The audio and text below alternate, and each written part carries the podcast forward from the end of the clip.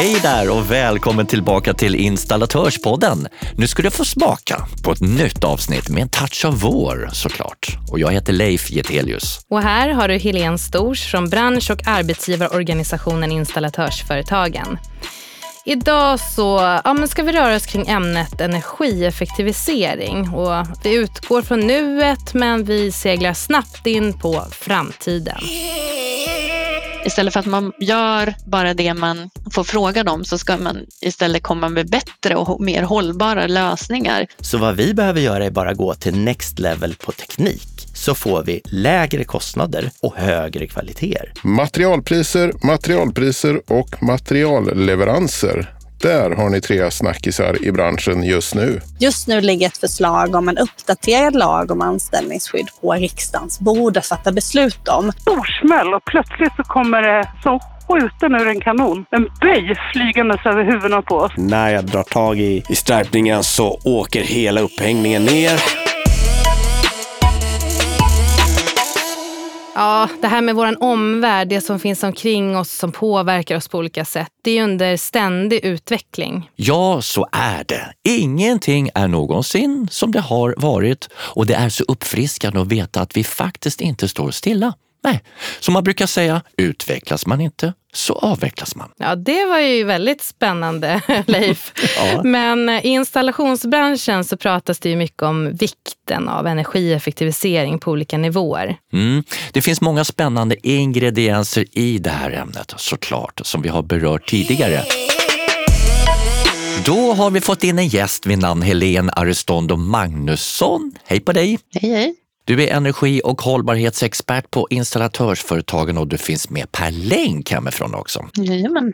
Ja, frågan om elektrifiering ligger ju högt upp på den politiska agendan. Och vi på installatörsföretagen ja, men vi ser ju att det finns en viktig pusselbit som saknas i den politiska debatten. Kan inte du berätta lite mer om den här pusselbiten? Ja, men det är ju energieffektivisering förstås. Det handlar ju om att vi faktiskt ska använda den energi som redan är producerad på ett effektivare sätt.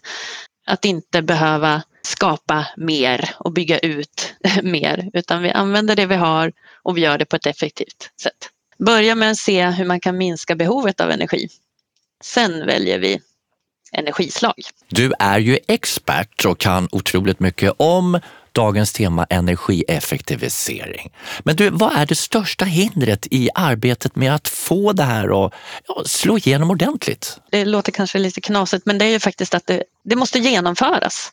Vi har en jättestor potential, bland annat så mm, Boverket och Energimyndigheten tog ju fram en renoveringsstrategi för ett par år sedan där man konstaterar att 80 procent av alla byggnader ligger under, alltså befintliga byggnader då, ligger under nybyggnadskrav. Och dessutom de här som då har en hög energianvändning har ett stort renoveringsbehov också. Och trots att det liksom då borde finnas pengar att spara i det här så genomförs det inte. Och det kan bero på att man har andra investeringar som man prioriterar helt enkelt. Och sen att det inte finns tillräckligt med kunskap om hur mycket man kan spara och eh, förbättra inomhusmiljön i samband med att man energieffektiviserar och sådär. Så kunskap och eh, andra investeringar som konkurrerar helt enkelt. Men hur skulle man kunna skapa fler incitament för att eh, det här ska bli på riktigt? Ja, men vi tror ju på eh, vad ska man säga, både krav och finansiell eh, stimulans. En kombination av piska och morot helt enkelt. Att eh, om man eh, ställer till exempel krav i eh, energideklarationer eller energikartläggningar, att man faktiskt genomför de här åtgärderna som föreslås. Naturligtvis så måste själva beslutet ligga hos, vilka åtgärder som ska genomföras ska naturligtvis ligga hos den som äger byggnaden eller verksamheten. Men eh, att det behöver ske en förflyttning. Att om man har en E-klassad byggnad så att man borde flytta den uppåt i energiklassning helt enkelt. Jag fastnade lite för ordet klimatdeklaration. Mm. Vad är det? Ja, men en klimatdeklaration, det började gälla från och med i år, 1 januari.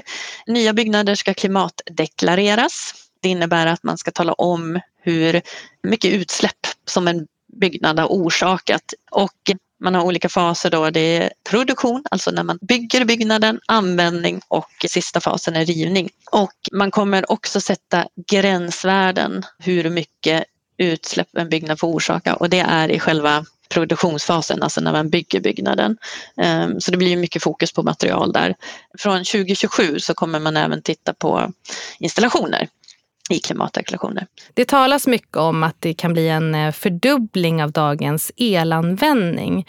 Hur, hur ser du att vi ska kunna möta det? Ja, men energieffektivisering igen då skulle jag säga. Dels alltså att man faktiskt ser över vad kan vi göra mer för att hålla det här behovet stången. Men sen handlar det också om att eh, se hur kan vi liksom flytta energi eh, och för att kunna flytta energi så behöver ju till exempel våra medlemmar eh, kunna bidra med fastighetsautomation, att man installerar det för då förbättras ju förutsättningarna för att faktiskt rent fysiskt kunna flytta energi. Ehm, så det kommer behövas både energieffektivisering och en ökad flexibilitet i byggnaderna för att klara det här behovet. Det som vi ska bygga nytt för att vi ska klara klimatmålen måste ju vara fossilfritt förnybart. Nej, så det handlar om att man ska då kunna bygga en fossilfri elproduktion då? Ja. Men du, Helene, vad innebär det här för installationsbranschen som sådan? Ja, mer jobb. mer jobb förstås. Alltså om man skulle liksom få fler åtgärder genomförda så innebär det mer jobb. Och sen så en sak som jag tycker är viktig i det här är ju att man som installatör också passar på att lyfta upp sin egen kompetens och sina egna tankar när man försöker sälja energieffektivisering, eh, förnybar elproduktion och försöker lyssna på vad är det kunden egentligen vill ha. Istället för att man gör bara det man får frågan om så ska man istället komma med bättre och mer hållbara lösningar. Vilken lösning behöver eh, kunden för att kunna hålla nere energianvändningen på sikt och vara flexibel i, i ett system där man har eh, varierande elproduktion till exempel som sol och vind är. Om vi pratar då om att man ska eh, erbjuda kunden ett helhetskoncept mer då. Att eh, kunden kommer och, och säger att man vill ha hjälp med en sak men, men att man som installatör då får Eh, tänka lite utanför boxen och kanske försöka se hela bilden för att kunna erbjuda den bästa lösningen. Ja, och att eh, om man är ventilationsinstallatör till exempel, då fokuserar man ju naturligtvis på ventilationen men, men att man faktiskt kan se hur ser de andra installationerna ut i byggnaden och har jag någon, något annat eh, Eh, företag som jag kan samarbeta med så att vi kan ge en helhetslösning. Att man behöver inte bara tänka på sin egen affär utan hur kan man utveckla affären tillsammans med andra i branschen.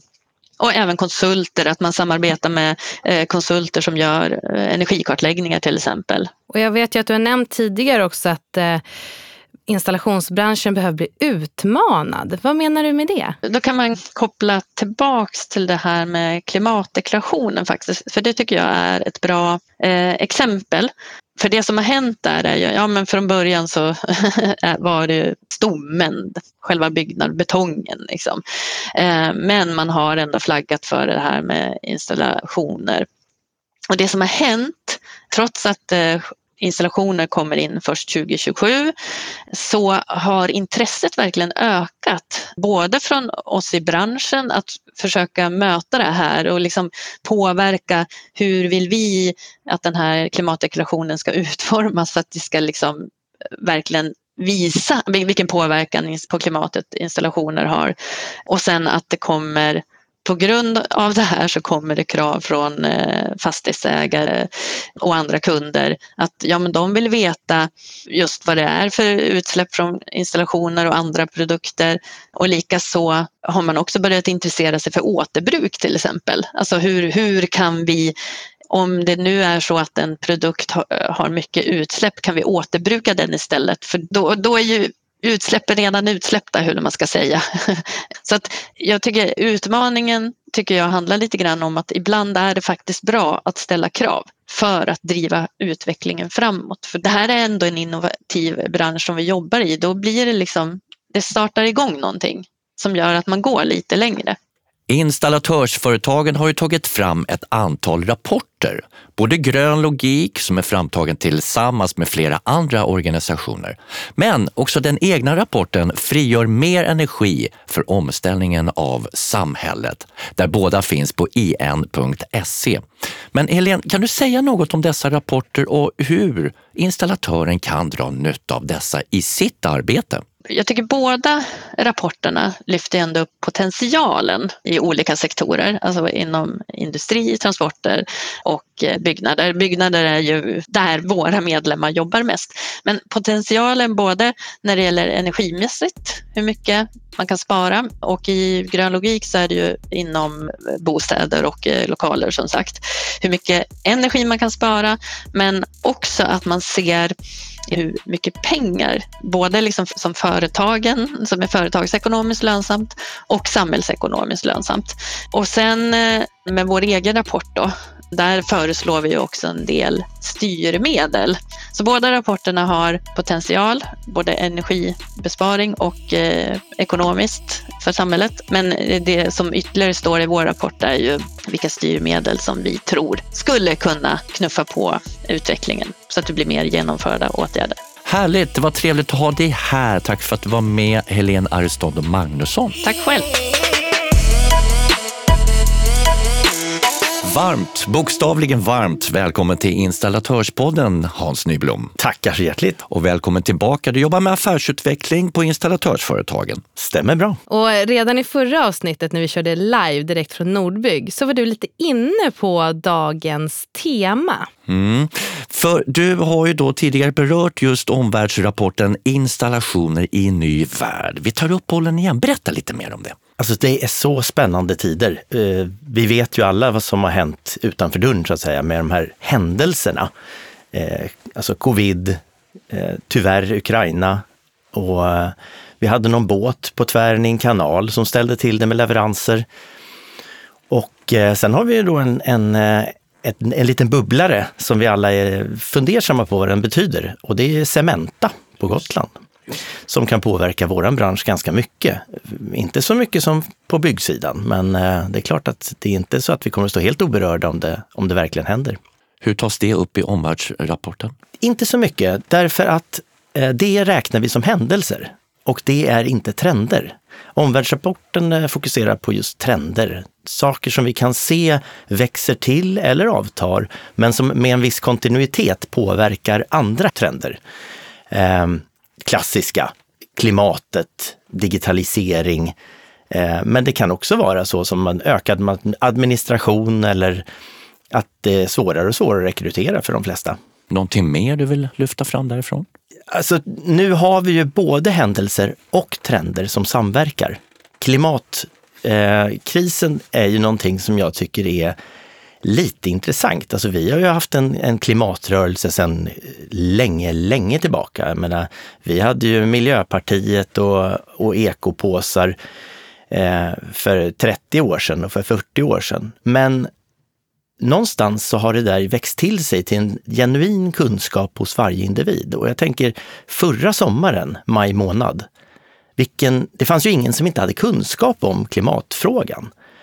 Men sen, över sommaren förra året, så hände det någonting. Så att i augusti, då var det plötsligt inte bara kunskap utan insikt. Alla gick runt med maggropskänslan. Den här, det här är jobbigt. Det här måste vi fan göra någonting åt.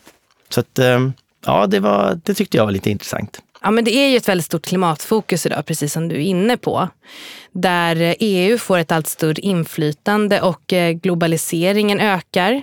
Men det får också ringa på vattnet när det kommer till intresset för bland annat energieffektivitet. Och jag tänker, kan inte du ta med oss på en spaningsresa in i framtiden? Det kan jag göra. Då måste vi ju alltid, som i alla resor, veta var börjar vi? Eh, vart vi ska, det kan vi ju ha olika del, alltså delade meningar om. Men vissa trender är väldigt tydliga. Vi vet idag att energipriset historiskt har varit lågt i Sverige. att vi nu har liksom fått en försmak av vad som komma kanske skall. Eh, vi har dessutom klimatfrågan och vi ser allt fler tekniker som, som faktiskt kan spara enorma mängder energi. Eh, så de rena fakta som finns här och nu, de är, de är nästan tillräckligt spännande.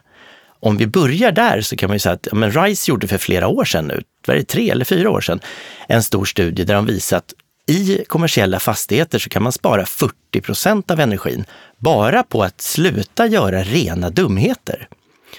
För det är ju så att värmesystemet, det sitter inte ihop med kylsystemet i, i stora fastigheter, oftast. Utan det sitter en termostat på utsidan av huset som startar värmepannan och sen sitter en termostat i konferensrummet som startar kylaggregatet. Eh, och så kör man båda två. Och sen så är det någon som kliver in i rummet och trycker på en knapp för fläkten och då kör vi max fläkt i fem timmar. Och efter en timme så är mötet slut. Och då har vi både ventilerat ut värmen och kylan på full effekt. Så att det här är, det är fantastiskt korkade system ur det perspektivet. Och här finns det ju nya moderna styrsystem som, som löser de här problemen. Eh, och Vasakronan har ju visat att de har sänkt sin mängd köpt energi. På 12 år har den gått ner 62 procent. 62 procent! Så det här är ingen framtid. Vi behöver inte spana in i liksom 3000-talet, utan vi behöver bara öppna dörren och titta utanför. Eh, och för Vasakronans räkning kan de ju stanna inne till och med och kolla. Alltså det är helt sjukt vad som går att göra. Mm. Och jag tycker också att det är lite spännande när man tittar på det här med digitala städer i en sån här hype. Ja, men vad, vad är det? Ska vi koppla ihop alla fastigheter? Eller behöver vi kanske inte det? För att det är ju så att om vi har ett smart styrsystem, på riktigt smart, så att man har en AI som optimerar anläggningen, så att man eh, styr Eh, köpet av energi efter det som finns i tillgång. Det vill säga att när den är billigare och det inte är brist på effekt i nätet, ja då slår vi på värmepannan på fullt. Om det behövs såklart. Ehm, och så värmer vi huset när det är billigt att göra det, men låter bli när det är brist på energi.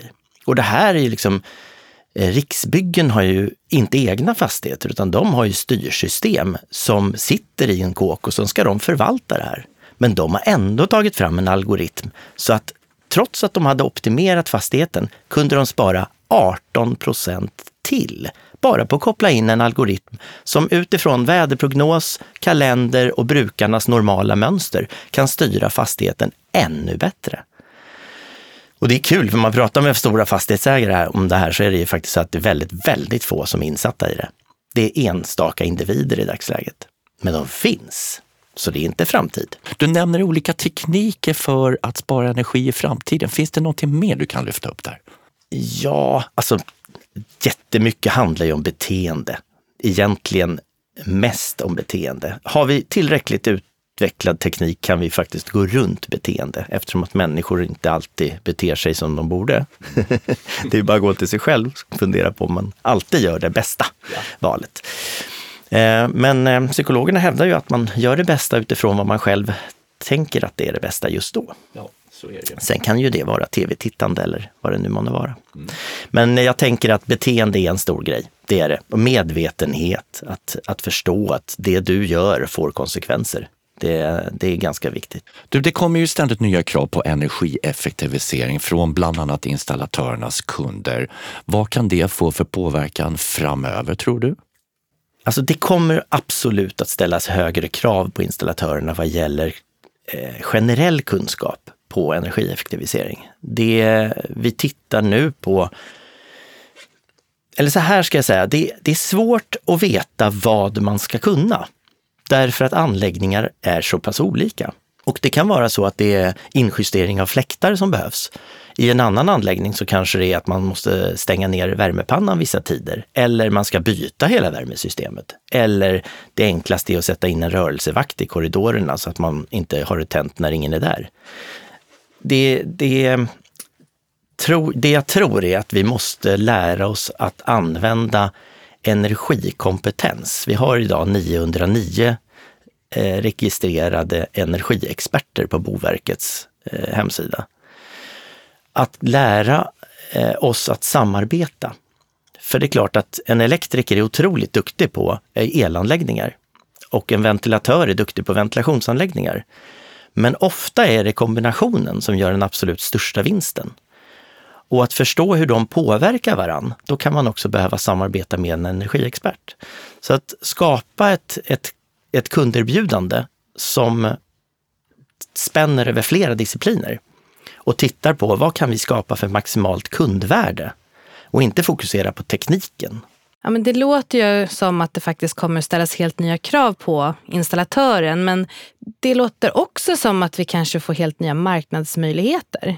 Absolut. Alltså det är ju, nu har vi väl inte någon jättebrist på jobb, men jag brinner ju för installationer och jag tycker ju att det är otroligt kul att se vad vi kan bidra med genom att göra bra installationer. Men vi skulle kunna bidra med så mycket mer om vi vrider lite grann på hur vi gör installationerna och hur vi samarbetar som sagt.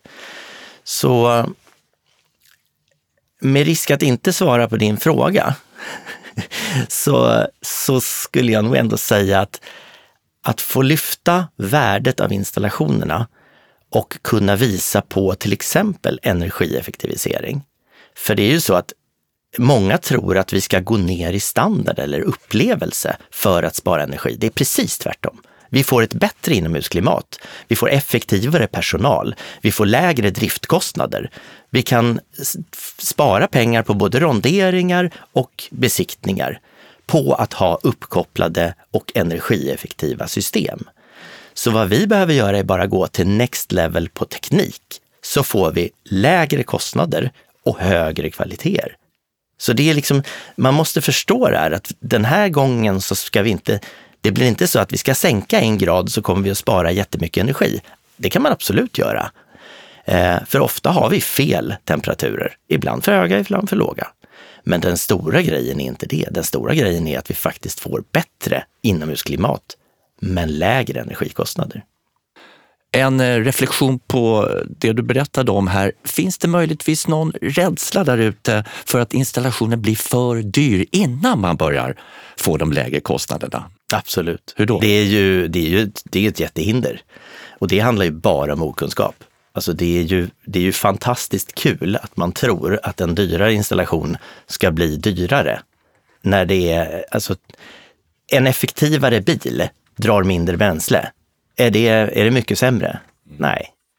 Eh, utan det, det är precis samma, och här tycker jag är en grej som jag brinner lite för, det är att man pratar så mycket om avräkningstider på installationer. Ah, hur snabbt får man igen pengarna?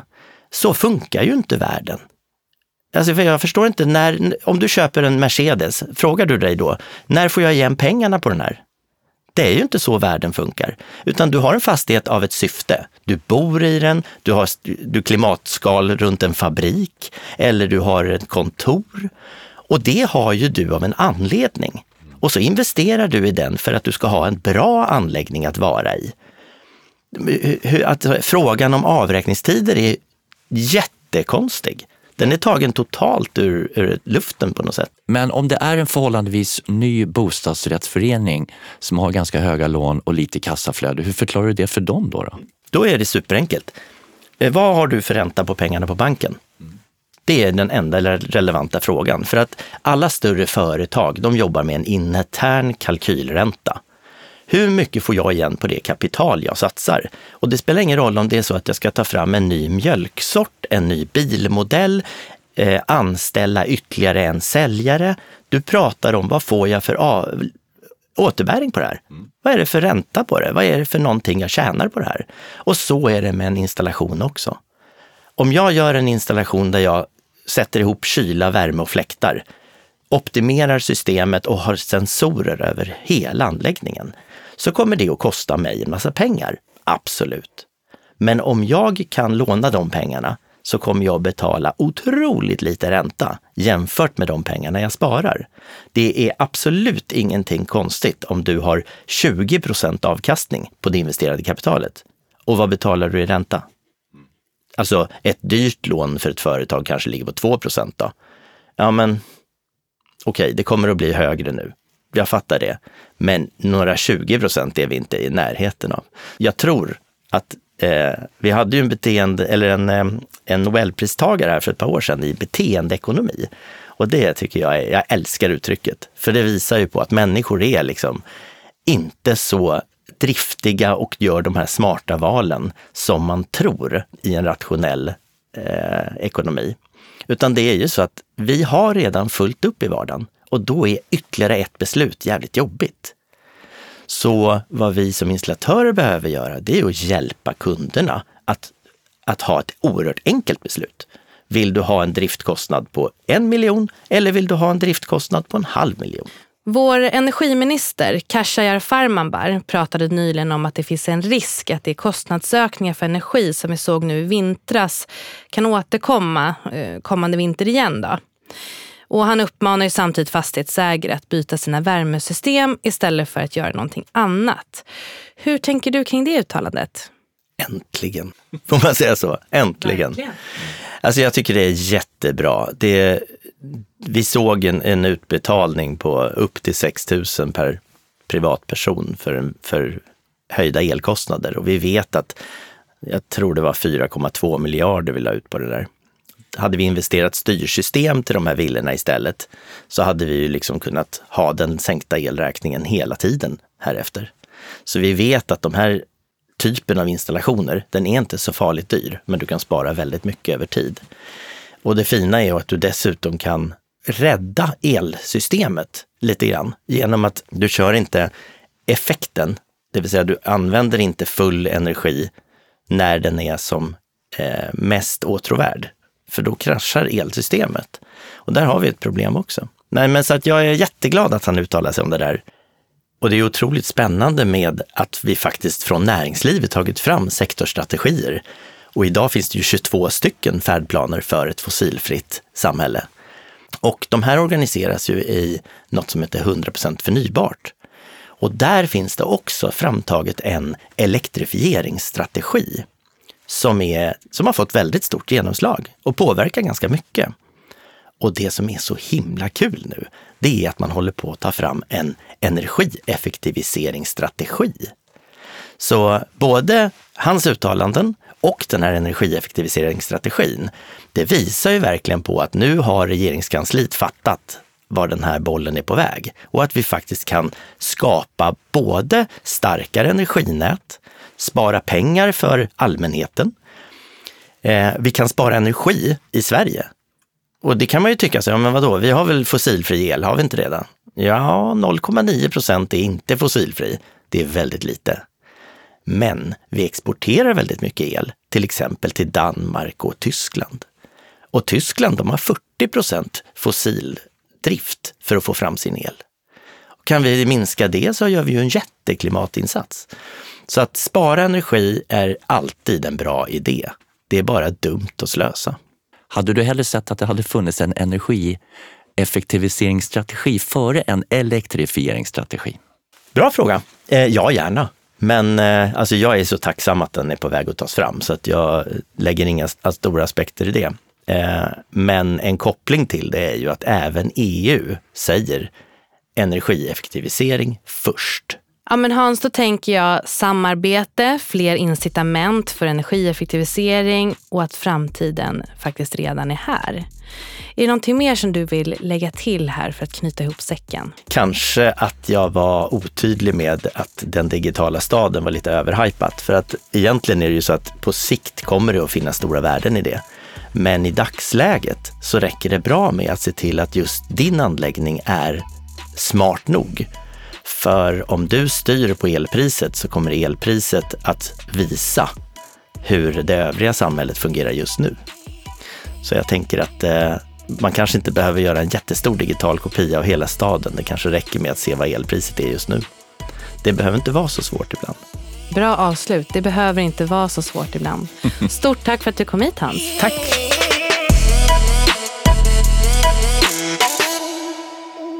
Då ska vi återigen hugga tag i tre snabba blänkare från tidningarna Elinstallatören och VVS Forum. Ordet är ditt, chefredaktör Fredrik Karlsson. Varsågod. Nummer ett.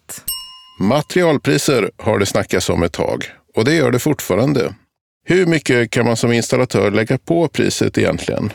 Privatkunder jämför priserna på fakturan med näthandeln och känner sig lurade. Somliga går till Allmänna reklamationsnämnden. Hur höga materialpriser som är okej okay att ta ut, det är svårt att säga.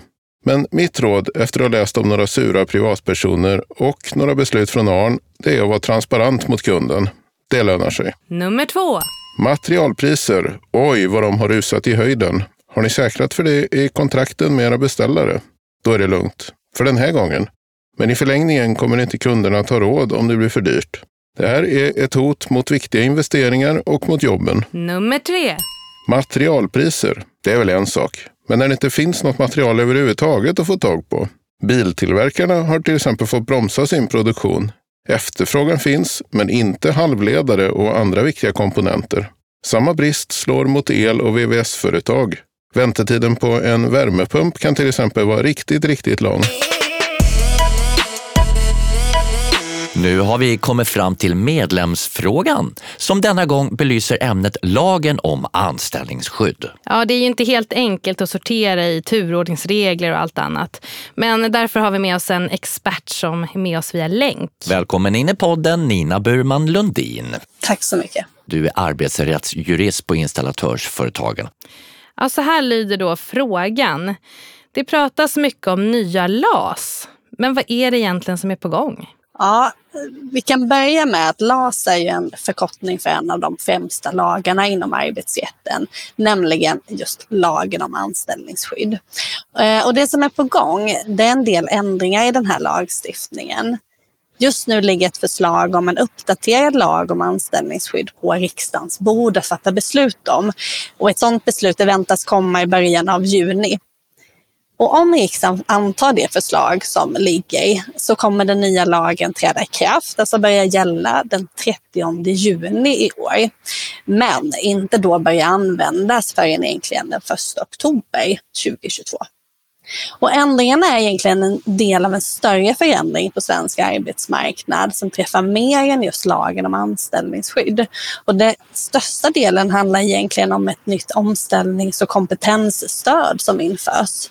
Och det kommer ge väldigt mycket förbättrade möjligheter till kompetensutveckling under just ett helt arbetsliv. Men vad kommer installatörsföretagen kunna hjälpa sina medlemsföretag med? Men vi kommer givetvis ge våra medlemsföretag den hjälp som de behöver just med anledning av de här nya reglerna. Och så snart riksdagen tagit ställning till det förslag som ligger på bordet så kommer vi på installatörsföretagen informera om vad de nya reglerna innebär för våra medlemsföretag Informationen kommer ges i både text och bild på vår hemsida. Och därutöver kommer vi också bjuda in till webbinarium om nya LAS i början av hösten dit våra medlemsföretag kan anmäla sig att delta. Så eh, håll utkik på vår webb och i vårt nyhetsbrev så kommer de hålla sig uppdaterade på vad som gäller på området framåt. Bra, då vet vi det. Tack för att du var med oss och besvarade medlemsfrågan Nina. Varsågoda.